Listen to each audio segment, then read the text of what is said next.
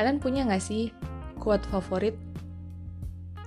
Kutipan atau kalimat pendek yang kalian anggap mewakili apa yang kalian percaya, yang datang entah dari buku, film, ataupun lagu. Katanya, otak kita itu emang suka kutipan.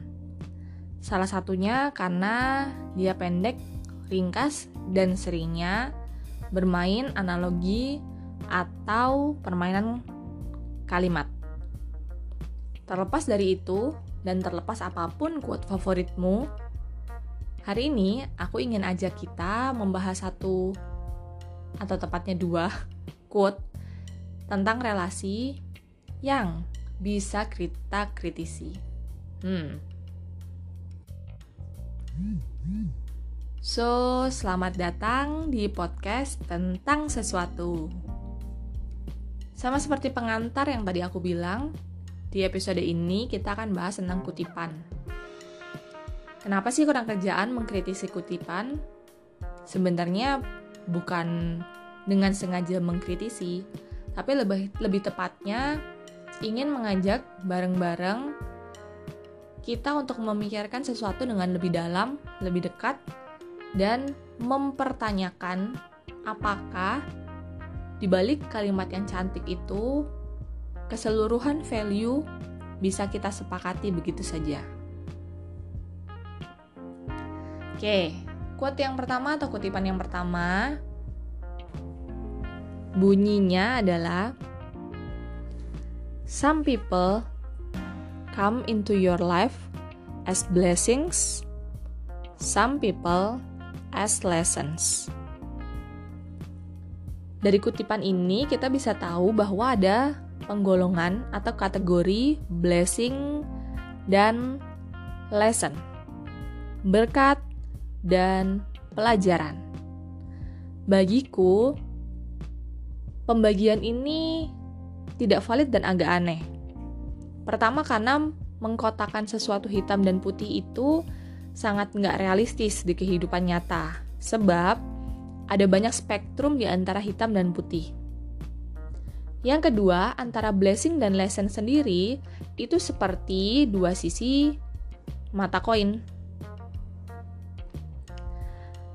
Ketika seseorang menjadi berkat, aku yakin ada pelajaran yang kita dapatkan.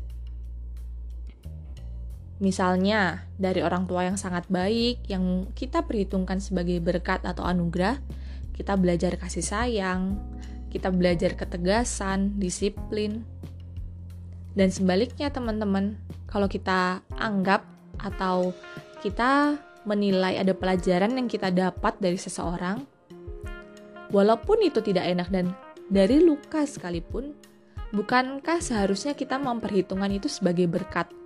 Karena kita mau belajar dari sana. Kita mendewasa dari sana. Contohnya dari mantan pacar kita deh yang selingkuh, misalnya ada. Kita belajar bahwa kesetiaan memang penting. Kita belajar tentang pengampunan.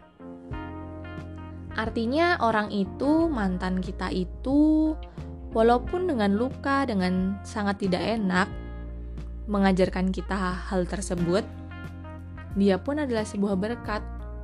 Karena kita yakin kehadirannya memang ada dalam jalan hidup kita atas perizinan Sang Pencipta yang kalau kita imani dia nggak pernah salah. Maka agak mustahil untuk memisahkan kehadiran orang dengan sekaku itu. Blessing or lesson. Setiap orang membawa berkat dengan memberi pelajaran. Dan setiap orang yang memberi pelajaran adalah berkat. Kenapa harus dipisah?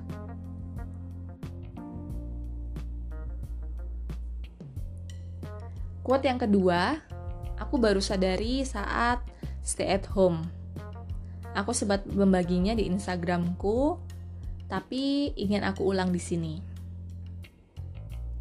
Quote ini udah aku temukan bertahun-tahun lalu dari sebuah vendor foto wedding. Isinya, kalau di bahasa Indonesia kan, kira-kira begini. Jangan menikahi seseorang hanya karena kamu bisa hidup dengannya.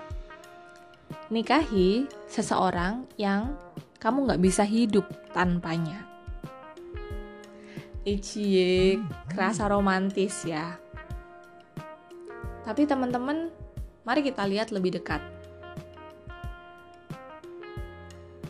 Jangan menikahi seseorang yang kita hanya karena kita bisa hidup dengannya. Tapi nikahi seseorang yang kita merasa nggak utuh tanpanya. Masalah pertama datang dari kalimat yang kedua. Jika kita menikah, karena kita merasa orang itu akan memenuhi kita dan membuat kita utuh, maka itu adalah sebuah jebakan dan perangkap besar. Aku yakin teman-teman udah pernah baca atau dengar dari orang lain sebelumnya bahwa pernikahan itu seharusnya lahir dari dua orang yang udah sama-sama tuntas dan utuh dengan dirinya sendiri, walaupun gak berarti dia udah sempurna. Lalu, sama-sama setelah sama-sama utuh, mereka memilih partner, menikah, dan menjadi atau menjalin sebuah kerjasama dalam institusi pernikahan. Kalau kalian agak susah memahami ini, aku akan share satu analogi sederhana yang sangat mengena buatku saat resep sorry saat pemberkatan pernikahanku. Ibu pendeta share waktu itu tentang analogi sendok dan garpu. Dia bilang bahwa sendok bisa dipakai sendirian karena sendok sudah memiliki fungsinya sendiri dan garpu bisa dipakai sendirian sebab dia juga sudah memiliki fungsinya sendiri. Mereka berdua adalah ciptaan yang sama-sama utuh dan punya daya guna tersendiri. Namun, partnership dari mereka atau pernikahan sendok dan garpu membuat fungsi yang lebih baik. Ketika kita menggunakan sendok dan garpu, fungsi mereka tidak menghilang, tapi saling melengkapi. Analogi ini sederhana sekali dan mencerminkan sebuah pesan yang sangat mendalam bahwa seharusnya kita menikah bukan karena harapan orang itu akan membuat kita utuh, tapi justru karena kita tahu dengan keutuhan kita dan keutuhannya, kita bisa bekerja sama untuk tujuan yang lebih mulia. Jangan pikir tujuan yang lebih mulia itu besar, berkaitan dengan mengubah dunia atau bangsa. Sesederhana menciptakan keluarga yang harmonis dan anak yang dibesarkan dengan penuh cinta kasih. Itu pun sebuah kerjasama yang penting dan bermakna di zaman sekarang. Maka kalimat kedua dibandingkan terasa romantis, sebenarnya memiliki pesan yang kurang tepat karena itu menjadikan pernikahan sebagai sebuah solusi serta seakan mempromosikan rasa tidak utuh analogi puzzle yang satu sama lain akan merasa tidak lengkap. Padahal seharusnya tidak demikian. Masalah yang kedua ada di kalimat yang pertama. Setelah stay at home karena karantina COVID-19 ini, aku sadar bahwa menikahi orang yang kita bisa hidup dengannya itu sangat penting, teman-teman karena kalau enggak, hari demi hari akan terasa sangat membosankan, bahkan menjadi bencana dengan pertengkaran. Sangat penting untuk kita hidup seatap dalam pernikahan dengan orang yang memang cara hidupnya nggak terlalu jauh berbeda dengan kita. Bukan berarti tanpa konflik ya teman-teman, tapi artinya ada banyak value yang bisa disepakati, ada selera humor yang nyambung, ada topik obrolan yang bisa dibicarakan dengan seru dan memantik antusias yang serupa. Bagaimana cara memastikan ini sebenarnya sangat dipengaruhi dengan kualitas saat berrelasi di pacaran atau sebelum menikah. Ketika kita pacaran, aku rasa sangat penting untuk kita membuka mata selebar-lebarnya tentang cara hidup pasangan kita apakah dia tipe yang tepat waktu, apakah dia tipe yang sangat mementingkan kebersihan atau justru abai? Apakah dia tipe yang suka menunda? Apakah dia tipe yang menghormati orang kecil dan banyak hal yang lain?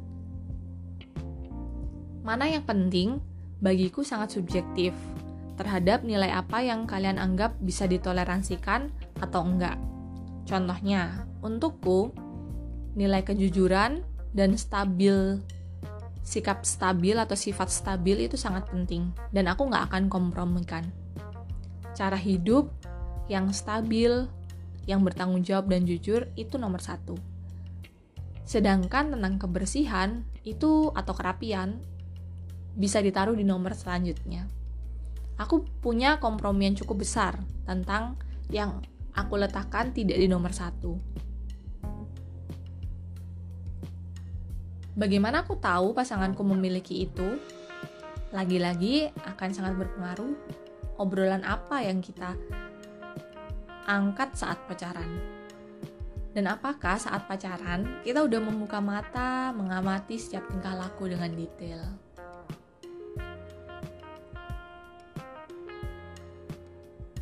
Buat teman-teman yang mungkin LDR, aku tahu hal ini mungkin gak gampang untuk dilakukan karena aku empat tahun berelasi secara LDR.